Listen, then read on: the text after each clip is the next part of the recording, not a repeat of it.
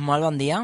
Benvingudes i benvinguts a una nova edició de Vetera Directe, el magazín de l'estiu que podeu escoltar a la vostra ràdio, Ràdio Vetera. Dijous, i ja comença a vellir anar al cinema i veure alguna pel·lícula, anar al teatre i veure alguna obra, algun musical.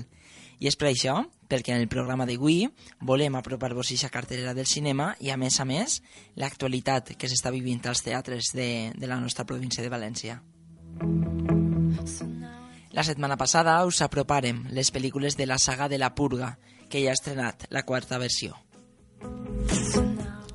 I avui us aproparem algunes pel·lícules com Hotel Transilvània, Mary Shelley i moltes més. A més a més, tindrem butlletí de notícies i espai de cuina. Això no pot faltar, ja ho sabeu. I bo, tot això és el Vetera Directe d'avui, un programa sota el control tècnic de Maria Rubio i locutat per mi mateix, per Emilio Pacho. Ens acompanyeu? Comencem.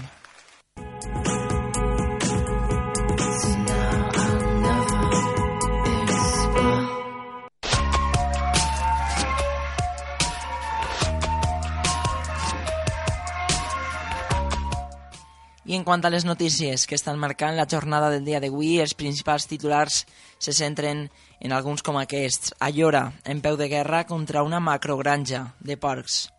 D'altra banda, centenars d'afectats pel tancament de les clíniques Didental es concentren davant el Ministeri de Sanitat per a demanar solucions fermes. A més a més, sis alacantins ferits, dos greus, per la caiguda d'un arbre a la Universitat de Navarra. A més, el 24 de juny serà festiu a la Comunitat Valenciana, al 2019, per la festivitat de Sant Joan a les fogueres d'Alacant. Una campanya convida a compartir selfies amb els dits en forma d'A per a recolzar l'acollida de, refugiati, de refugiats i refugiades. L'Ajuntament de València ha llançat esta campanya Jo soc A perquè la ciutadania contribuïsca a la difusió del que significa que València sigui una ciutat refugi. Es tracta d'una iniciativa pensada per a les xarxes socials i que compta amb tres espais físics concebuts com a fotocols perquè la gent es faci les fotos que després compartirà la xarxa.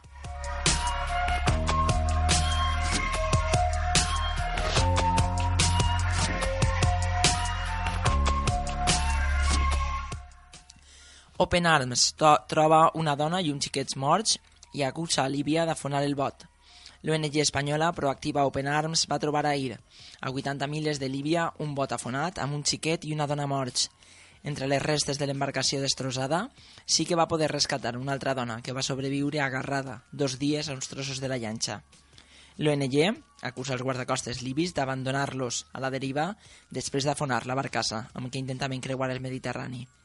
Així ho denunciava Òscar Camps, fundador de la ONG, en el seu compte de Twitter.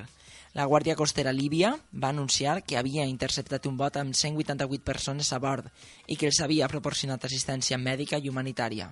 El que no va dir és que havien deixat dues dones i un xiquet a bord i que havien afonat l'embarcació perquè no volien pujar les patrulles líbies. L'Open Arms ha demanat a les autoritats espanyoles un port per a desembarcar l'única supervivent i els dos cadàvers. Segons declaracions a AF del fundador de l'ONG, Òscar Camps, a nit, Itàlia els va assignar el port de Sicília de Catània per desembarcar la dona supervivent, però no els cadàvers. Per la seva banda, el ministre italià de l'Interior, Matteo Salvini, acusa l'organització espanyola de mentir i anuncia que, tor que no tornarà a entrar en cap port italià. Textualment ha declarat que l'ONG només veurà els ports italians en postal.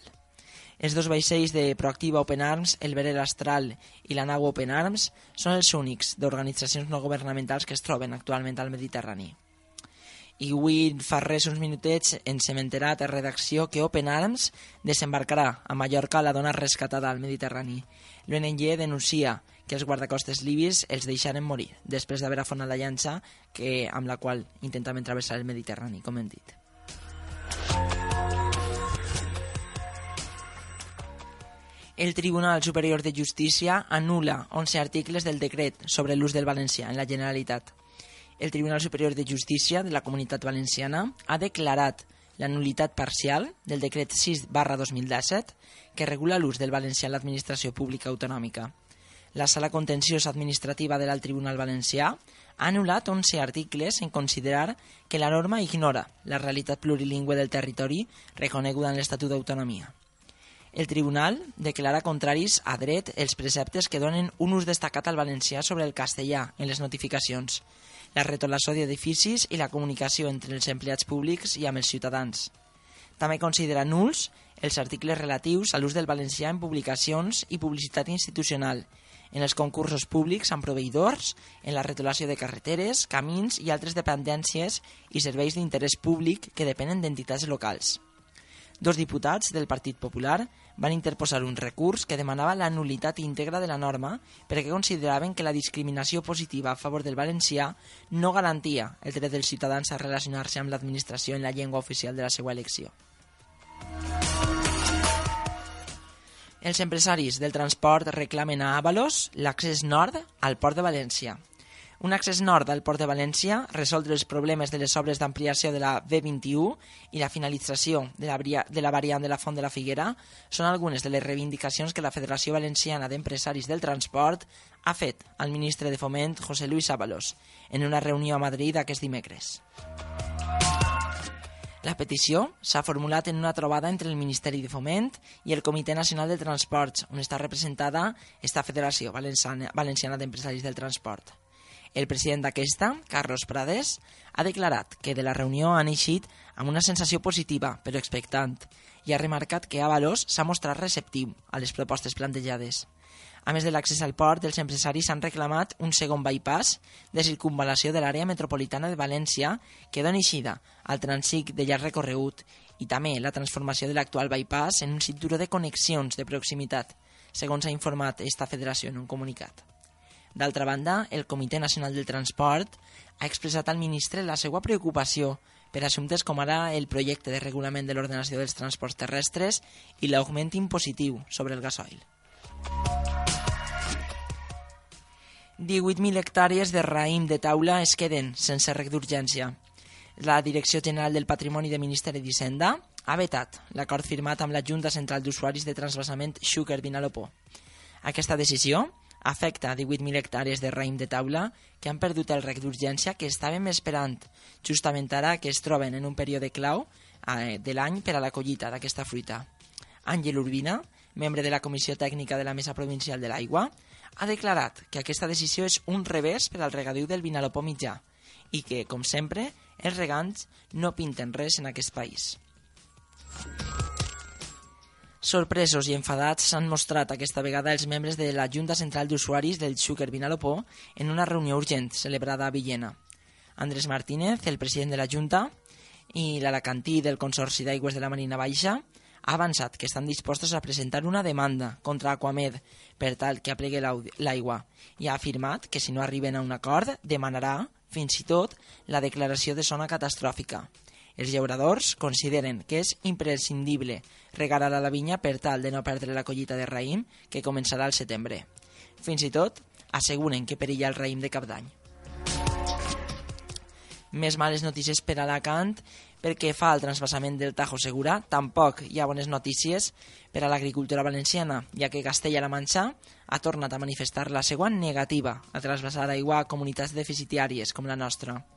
A Múrcia s'ha celebrat una reunió d'urgència entre els sindicats de regants de Múrcia, Alacant i Almeria perquè consideren que s'està desinformant l'opinió pública, justament en un moment en què els embassaments de capçalera estan per damunt dels 700 hectòmetres.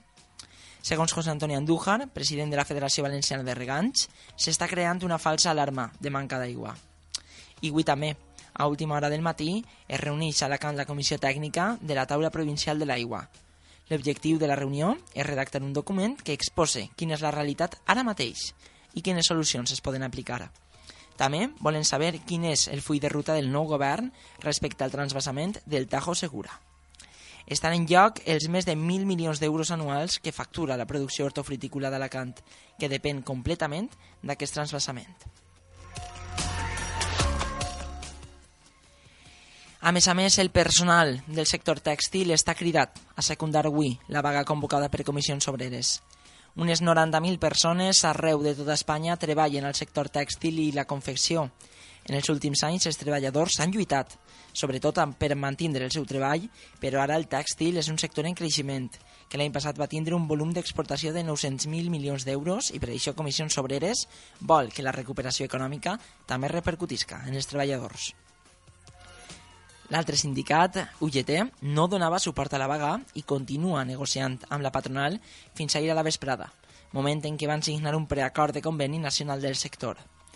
Al text del preacord s'arrepleguen millores, com ara un increment salarial del 2% en 2018 i 2019 i de l'1,8% en 2020. També la pujada del salari mínim intertextil en un 3% per a cadascun d'aquests anys. Aquestes dues mesures eren també reivindicades per comissions obreres, encara que aquest sindicat volia que el salari mínim intertextil es fixara en els 14.000 euros anuals. Pel que fa al cinquè torn, que era una, una de les altres reivindicacions del sindicat convocant de la vaga, el preacord contempla la rebaixa de la jornada anual en un total de 16 hores per a tot el personal que fa aquest anomenat cinquè torn, a raó de 4 hores en 2018, 6 en 2019 i 6 en 2020. El preacord també reconeix un dia més de lliure disposició al personal del sector tèxtil i la reducció de dues hores anuals per als treballadors que fan la jornada partida de 6 hores. D'altra banda, pel que fa a la conciliació familiar, s'estipula que puguen gaudir de 21 dies de vacances de manera interrompuda de, en període estival i la possibilitat de lliurar les hores extraordinàries o percebre compensació econòmica. El preacord estableix que el conveni estarà vigent durant els pròxims 3 anys i que la firma del text definitiu haurà de tindre lloc abans del pròxim 10 de setembre. Ara, Falta saber si Comissions Obreres, l'altre sindicat majoritari del sector, s'afegirà a l'acord o considerarà que encara no s'han assolit les seues reivindicacions.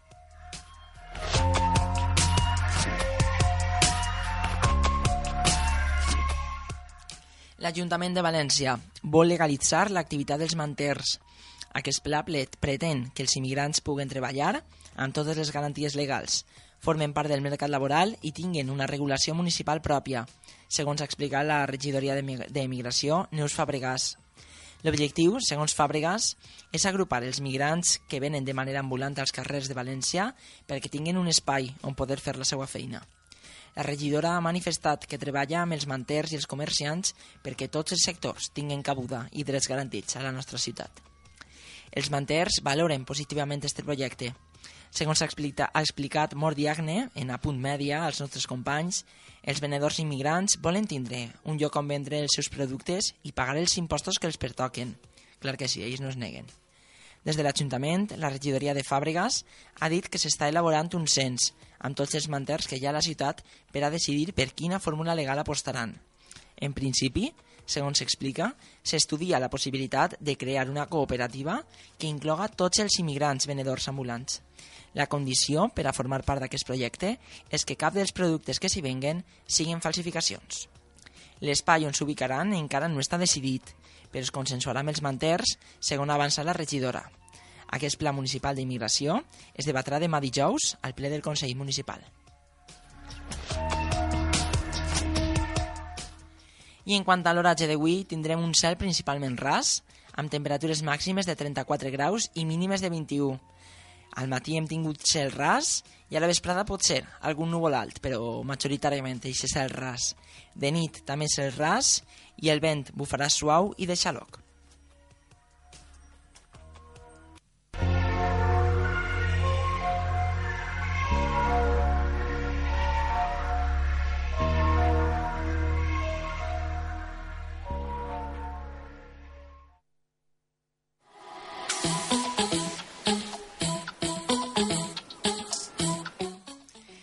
Bé, esta cançó en els minuts musicals de Vetra Directe li la volem dedicar a Esther Guzmán i a Sara Morante, que avui han encetat el seu camí de Santiago.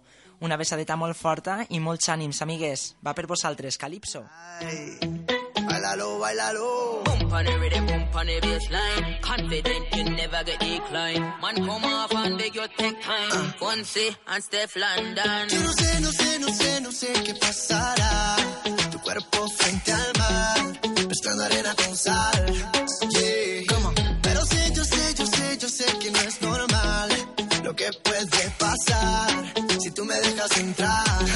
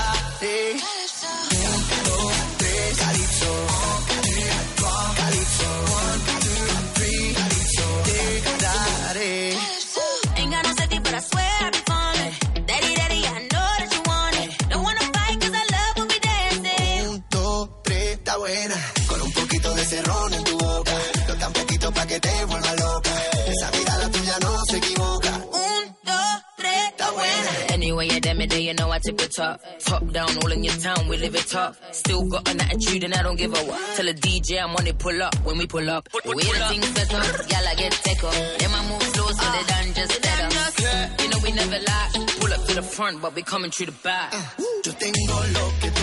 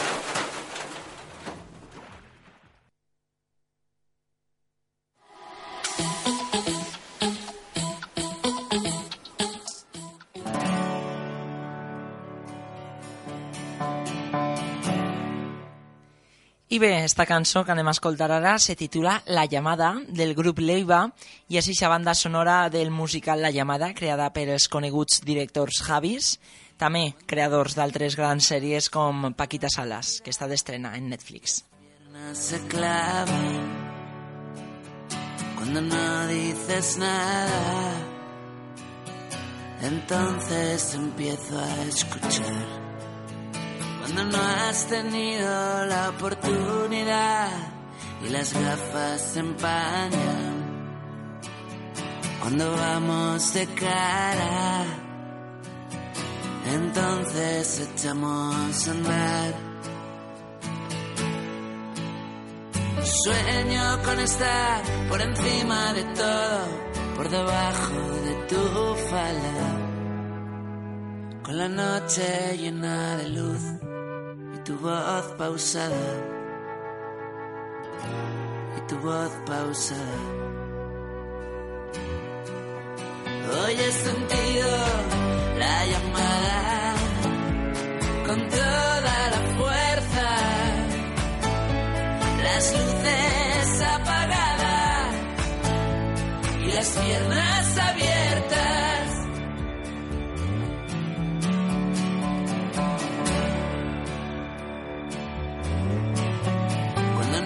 nos pasamos la electricidad de tu dedo a mi espalda, cuando estás devorada, no hay miedo a la oscuridad. Cuando no temamos a lo que vendrá y bajemos la espada. Cuando tiemblas por nada, entonces echamos a andar. Sueño con estar por encima de todo, por debajo de tu falda, con la noche llena de luz y tu voz pausada, y tu voz pausada. Hoy he sentido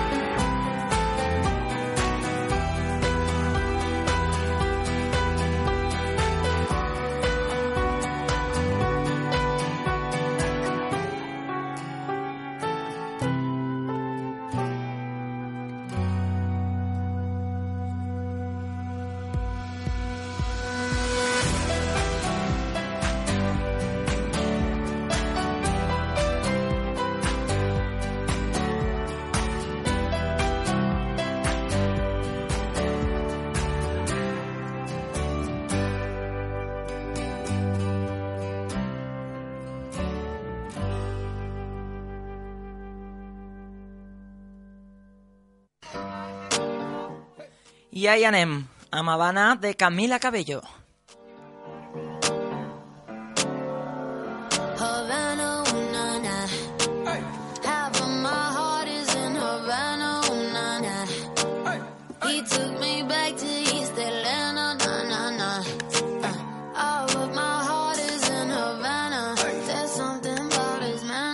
Havana.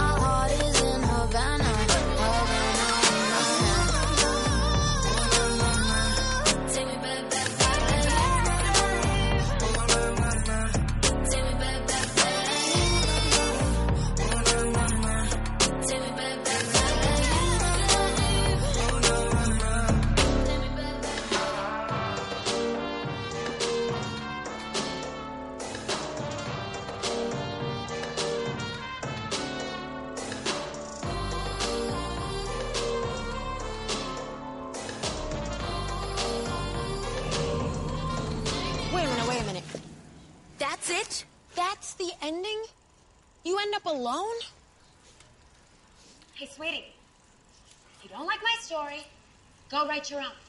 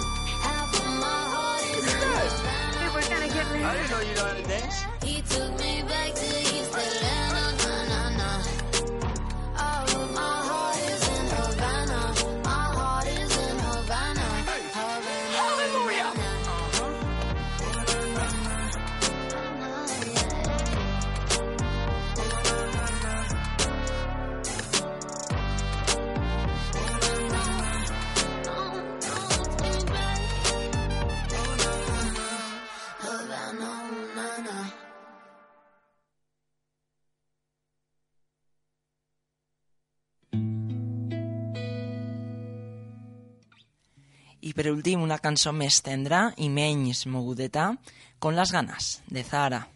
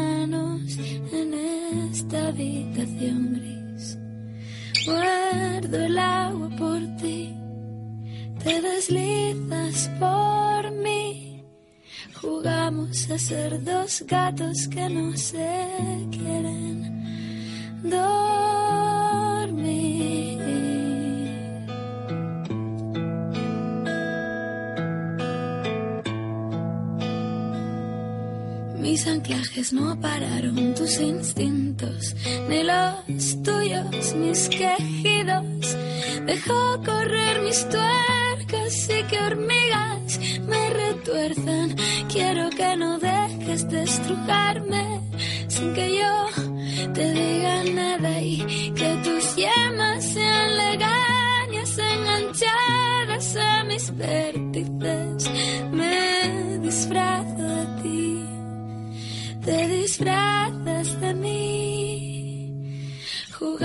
A ser humanos en esta habitación gris. Muerdo el agua por ti, te deslizas por mí. Jugamos a ser dos gatos que no se quieren dormir.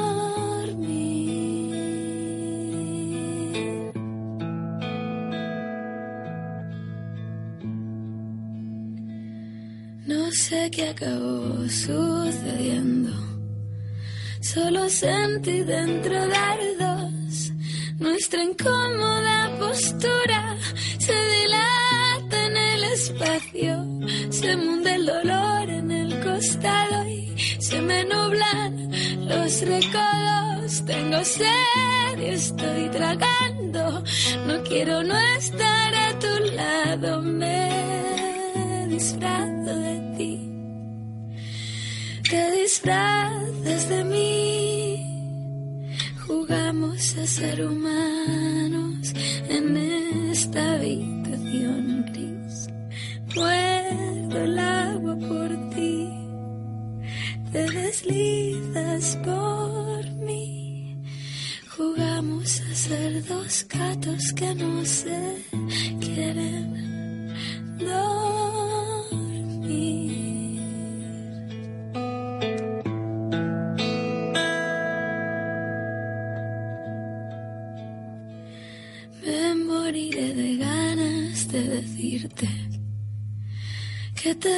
echar de menos y las palabras se me apartan, me vacían las entrañas. Finjo que no sé, que no he sabido. Finjo que no me gusta estar contigo.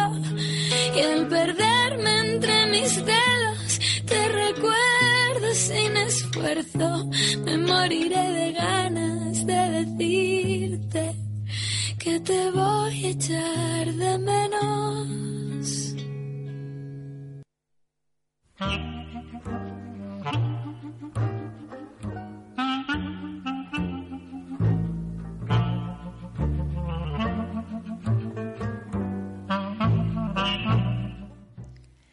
I bé, encetem esta secció de cinema amb un seguit de pel·lícules que, que estan marcant la cartelera dels cinemes valencians i la primera d'elles és Sicario, el dia del soldado. El gènere és d'acció o de crimen, la durada és de 122, mi- de 122 minuts, país dels Estats Units, la data d'estrena el 29 de juny i la puntuació que li donen els, els experts és de 7 en 1. La segua sinopsi diu així. En la guerra de les drogues no hi ha regles i com els càrtels han començat a traficar amb els terroristes a través de la frontera amb els Estats Units d'Amèrica, l'agent federal Matt Graver eh, té al misteriós Alejandro, la família de la qual va ser assassinada per un cap del càrtel amb l'objectiu d'intensificar la guerra d'una manera perversa. Alejandro segresta a la filla del cap del càrtel per avivar el conflicte, però quan la xiqueta és percebuda com un dany col·lateral, la seva destinació s'interposa entre els dos homes mentre es qüestionen tot pel que estan. You feel blue. You feel sad. Altra de les pel·lícules és El rascacielos. El gènere és de catàstrofe. La durada és de 102 minuts, el país, Estats Units, i la data d'estrena, el 13 de juliol. There'll come a time. La sinopsi diu així. Johnson lidera el repartiment d'aquesta pel·lícula interpretant a l'excapdavanter de l'equip del rescat de l'hostatges de l'FBI i veterà de guerra nord-americà, Will Ford, que ara avalua la seguretat dels gratacels. Durant un treball a Gina, es troba a l'edifici més alt i segur del món i de sobte en flames. La seva labor a partir d'aquell moment no serà gens fàcil, doncs haurà de descobrir els responsables, netejar el seu nom i, sobretot, salvarà la seva família, qui està atrapada entre el foc.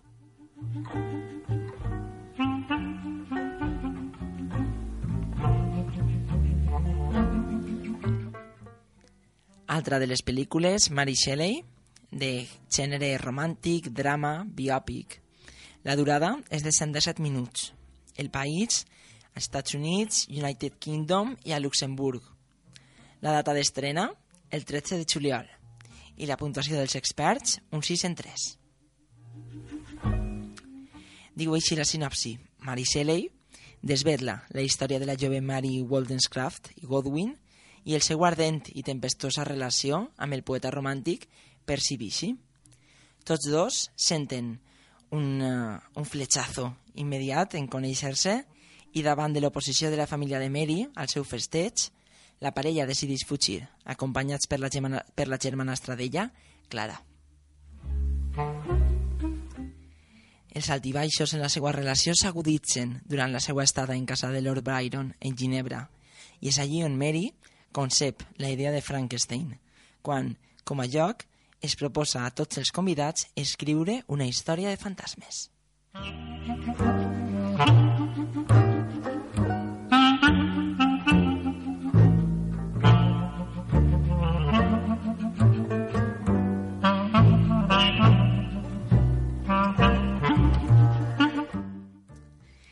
Altra pel·lícula, A la deriva, pel·lícula romàntica, drama, d'aventura. La durada és de 96 minuts i el país als Estats Units. Se va estrenar el 29 de juny de 2018 i la puntuació dels experts és un 6 en 7. És un drama de supervivència, inspirat en fets reals, que narra l'odissea d'una jove parella que va salpar des de Tahití amb la intenció de donar la volta al món, però que no obstant això es van trobar enemic de l'oceà Pacífic, a unes 1.500 milles de la Terra més propera, amb un monumental huracà. molt interessant, clar que sí.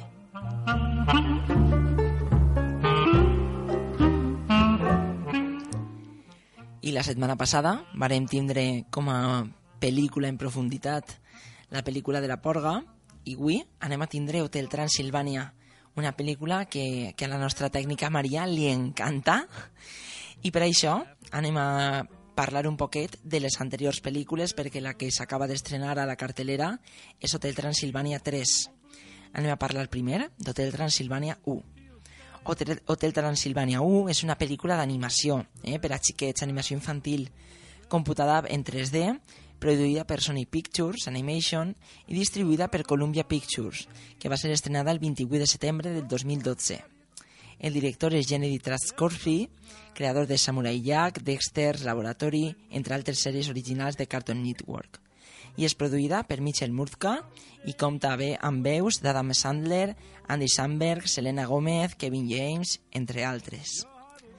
L'argument, després de la tràgica mort de la seva esposa Marta, Dràcula construeix l'Hotel Transilvània, un hotel 5 estels, amb la finalitat de que els monstres del món puguen estar a resguard de la civilització humana. Alguns dels monstres més famosos es converteixen en visitants freqüents. Entre ells es troba el monstre Frankenstein.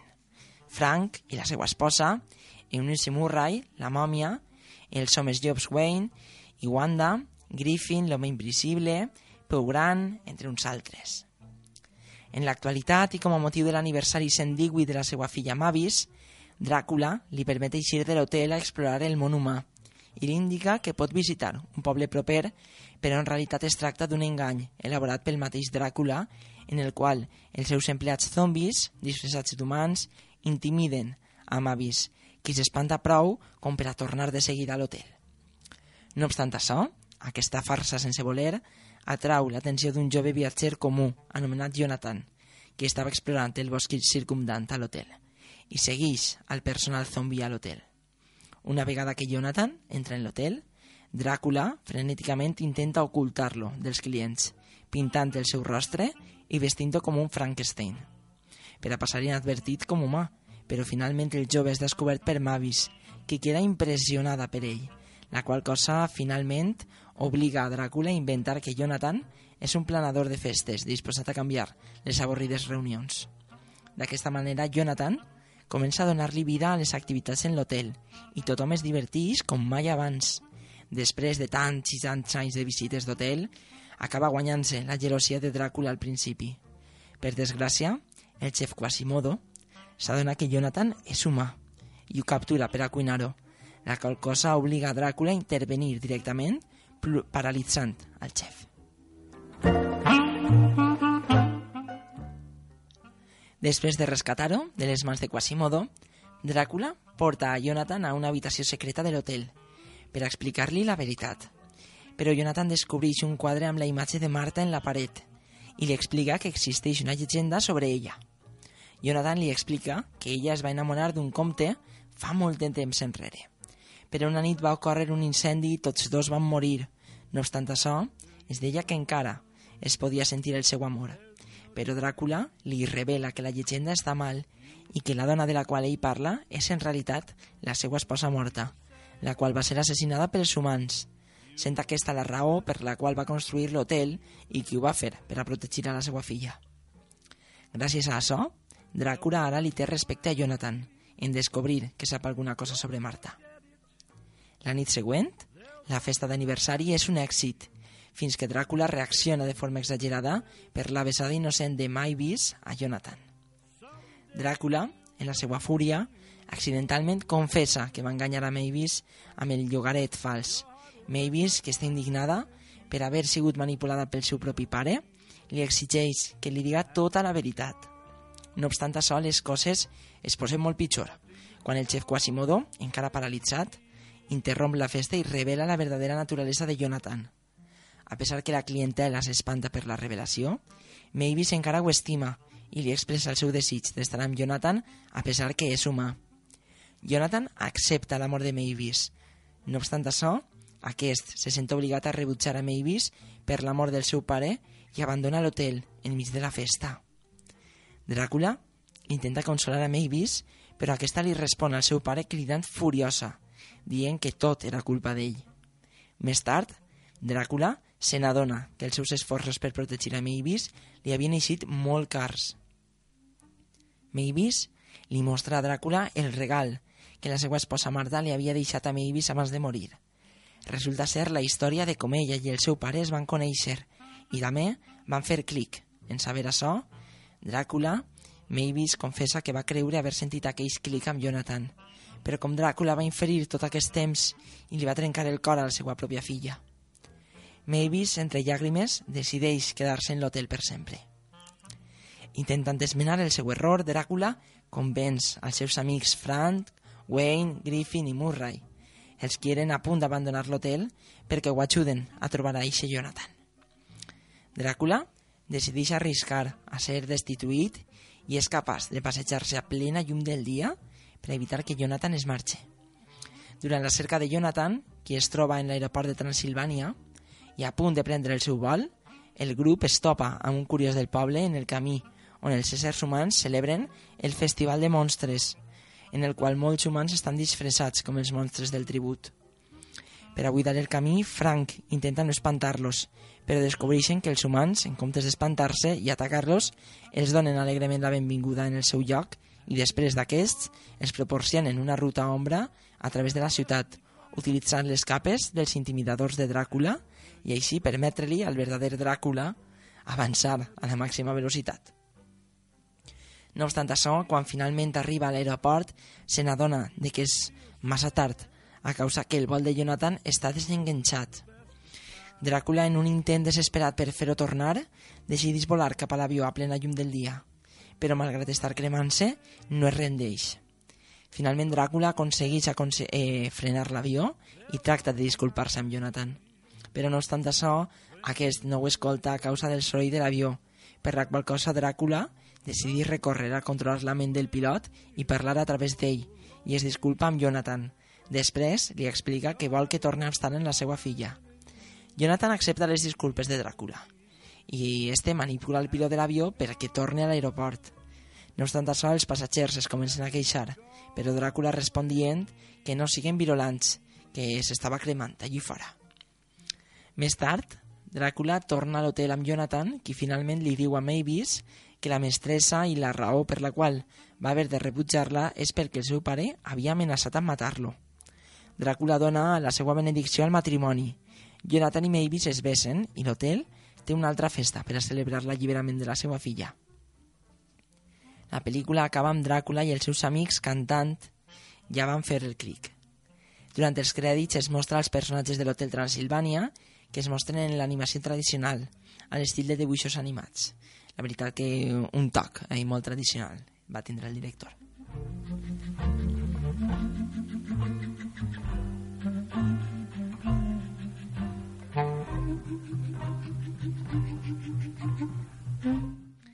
I bé, ara anem a llegir l'argument d'Hotel Transilvània 2.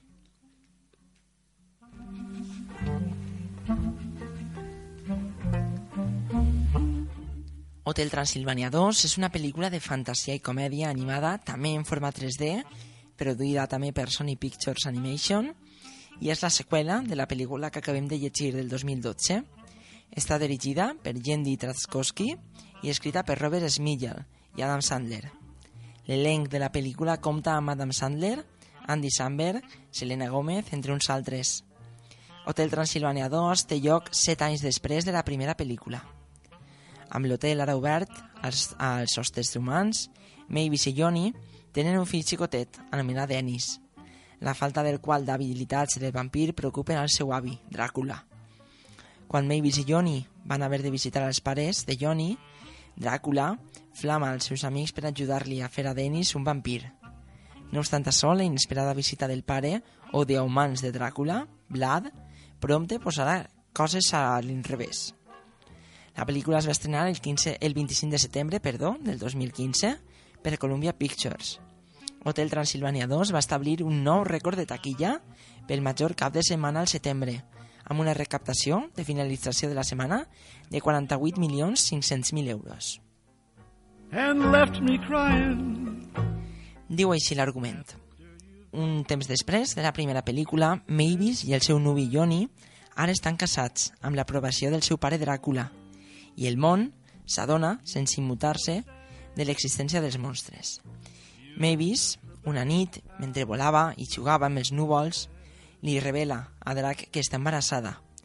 I un any més tard, ella dona llum a un xiquet anomenat Dennis, que es fa amic de la filla de Wayne, Winnie. Acostant-se al seu cinquè aniversari, a Dennis encara no li creixen els seus ullals i Drac es preocupa que el seu net podria no guanyar poders de vampir. En adonar-se dels perills de Transilvània, Mavis comença a considerar-se comença a considerar portar-se a Dennis on Johnny va créixer per, a la de, per la desaprovació de Drac. Drac li diu a Johnny que no vol eixir de l'hotel, que porti a Mavis a Califòrnia per a visitar els sogres, Mike i Linda, però per assegurar-se de mantenir-la distreta, deixa a Drac a la cura de Dennis. Drac allista els seus amics Frank, Wayne, Lomellop, Griffin, etc., per ajudar a entrenar a Dennis a convertir-lo en monstre, però sense cap resultat.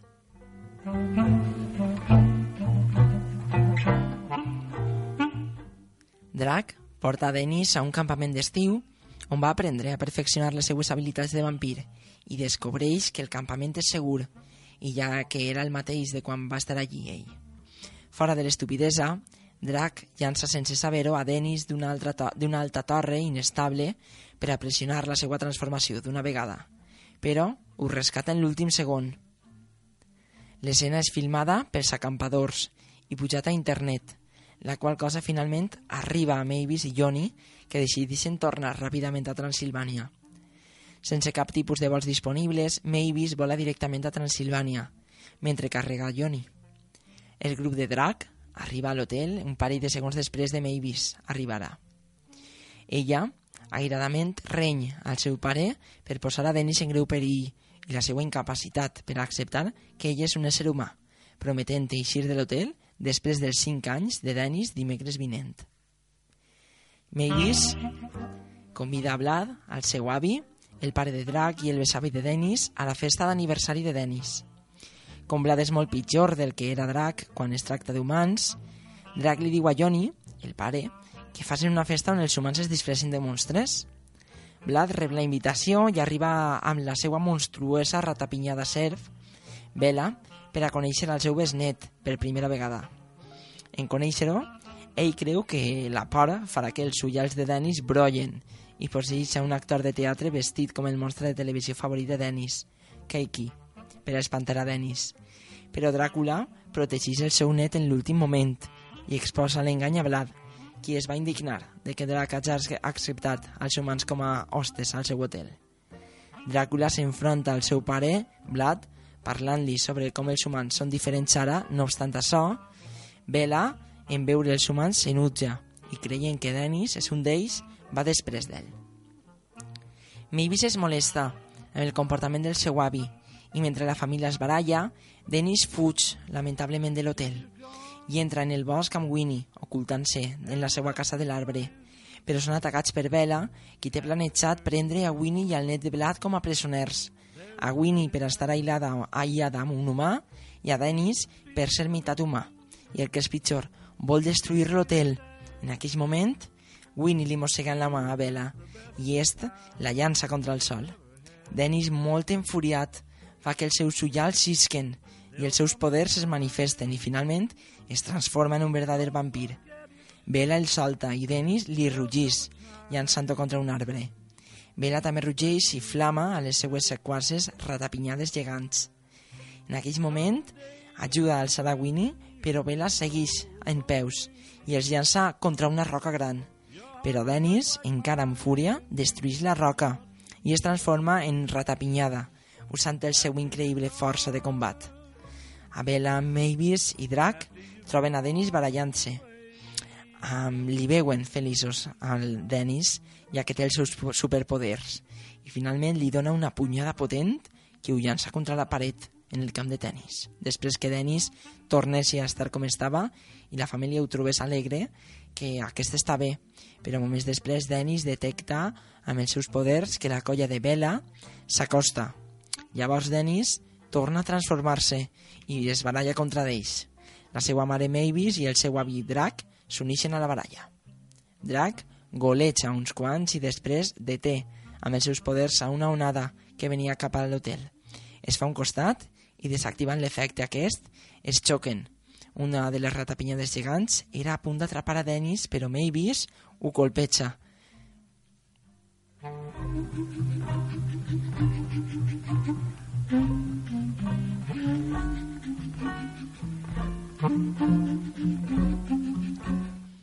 Black arriba en aquell moment veient com tots els seus servents estan atacant a la seva família. Finalment derroten a totes les uh, ratapinyades servols. Dennis, feliç que ja és un monstre, li pregunta al seu avi si és guai, però ell li diu que és perfecte, tal com és.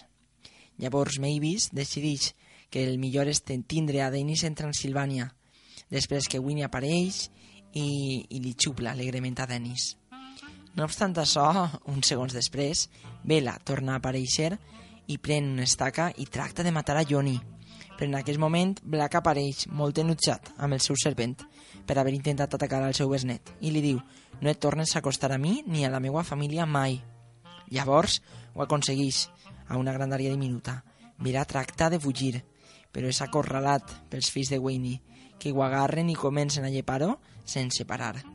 Drac li diu a Bla que va salvar a un home i Bla diu que li és igual si no posseïa aquells ullals. Finalment, la festa en l'hotel Transilvània es reprèn i acaba amb tots ballant. Té un final feliç. La pel·lícula no us podeu queixar.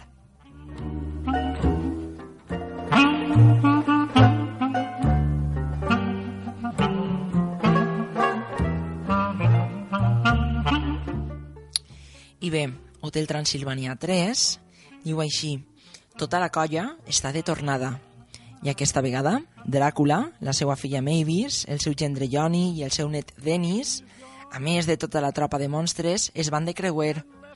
I és que Mavis sorprèn al seu pare amb un viatge sorpresa en un creuer de luxe per a monstres. Així que Dràcula haurà de prendre's unes vacances del seu treball en l'hotel.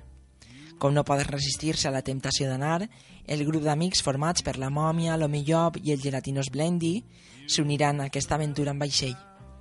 Una vegada en alta mar, el comte Dràcula coneixerà Erika, la misteriosa capitana de l'embarcació, amb la qual cosa viurà un romans.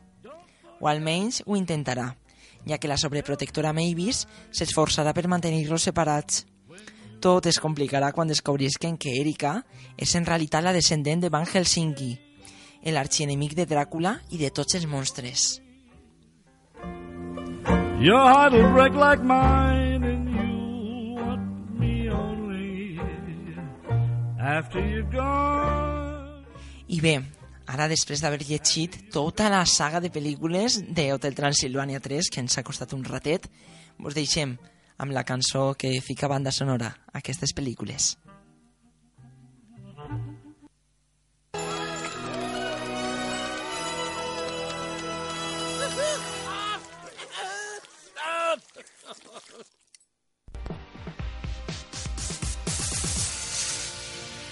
Creía que era amor, pero era un rollín. Hasta que hubo una chica que me hizo tilín. Como un golpe en el ring que te deja tontín. Como si te atragantas con un pez queñín. Ese chin como un swing y ahora canto sin fin. Oyendo las baladas del cantante Sting. Cuando ella te mira ya no tiene fin. Como cuando se miraban Jasmine y Aladdin.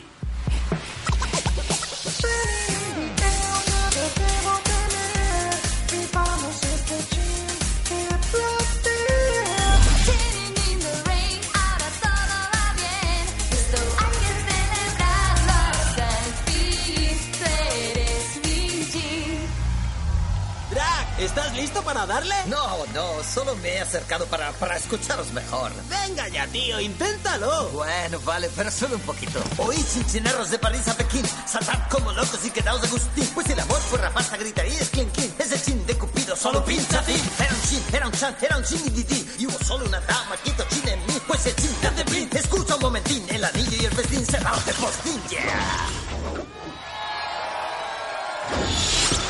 Chilling in the air. Nada debo temer, vivamos este chin, qué placer. Chinin in the rain, ahora todo va bien. Esto hay que celebrarlo hasta el fin. Tú eres mi pincho, guarda pincho, fliparás en colores con el cincho, baila cincho, hasta el fin yo, que de todo el mundo muerto soy el quinto.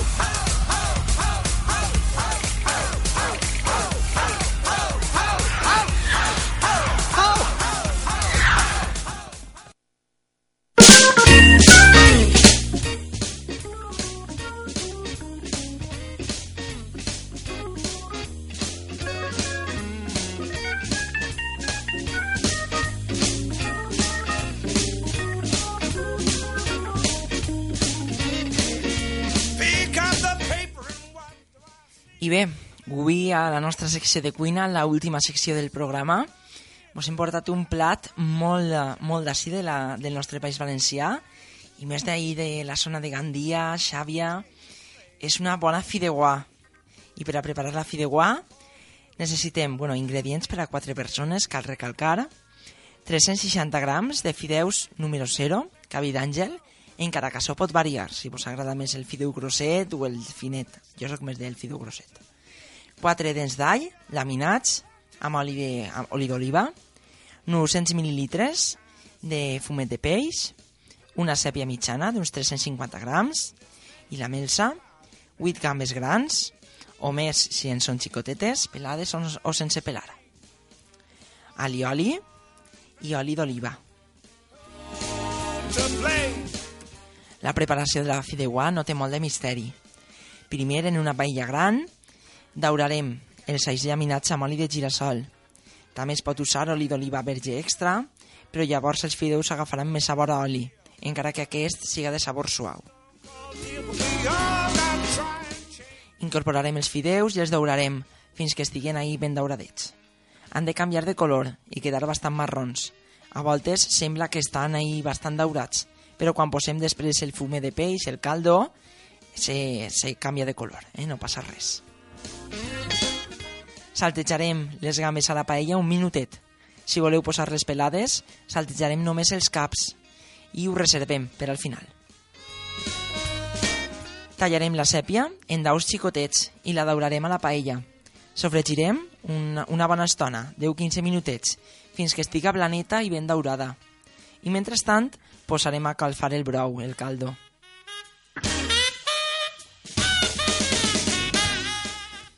Incorporarem la melsa a la paella i seguirem sofregint dos o tres minutets. Afegirem els fideus torrats i removerem bé. Afegirem el fumet calent. Deixarem passar un poc de fumet per si hem d'afegir més al final, per si se'm queda curtets. Eh? I salarem. I ho deixarem coguent dos minutets, no molt. Incorporarem les gambes, els deixarem caure un o dos minutets més fins que els fideus de la fideuà estiguen ahí al dente. Acabarem la cocció dos minutets en el grill del forn fins que els fideus queden cap amunt secs.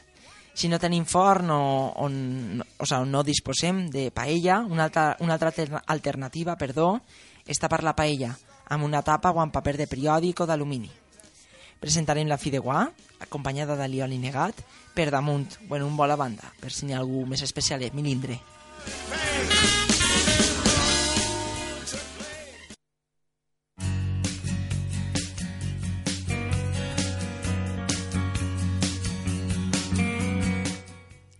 I bo, fins així el nostre programa d'avui.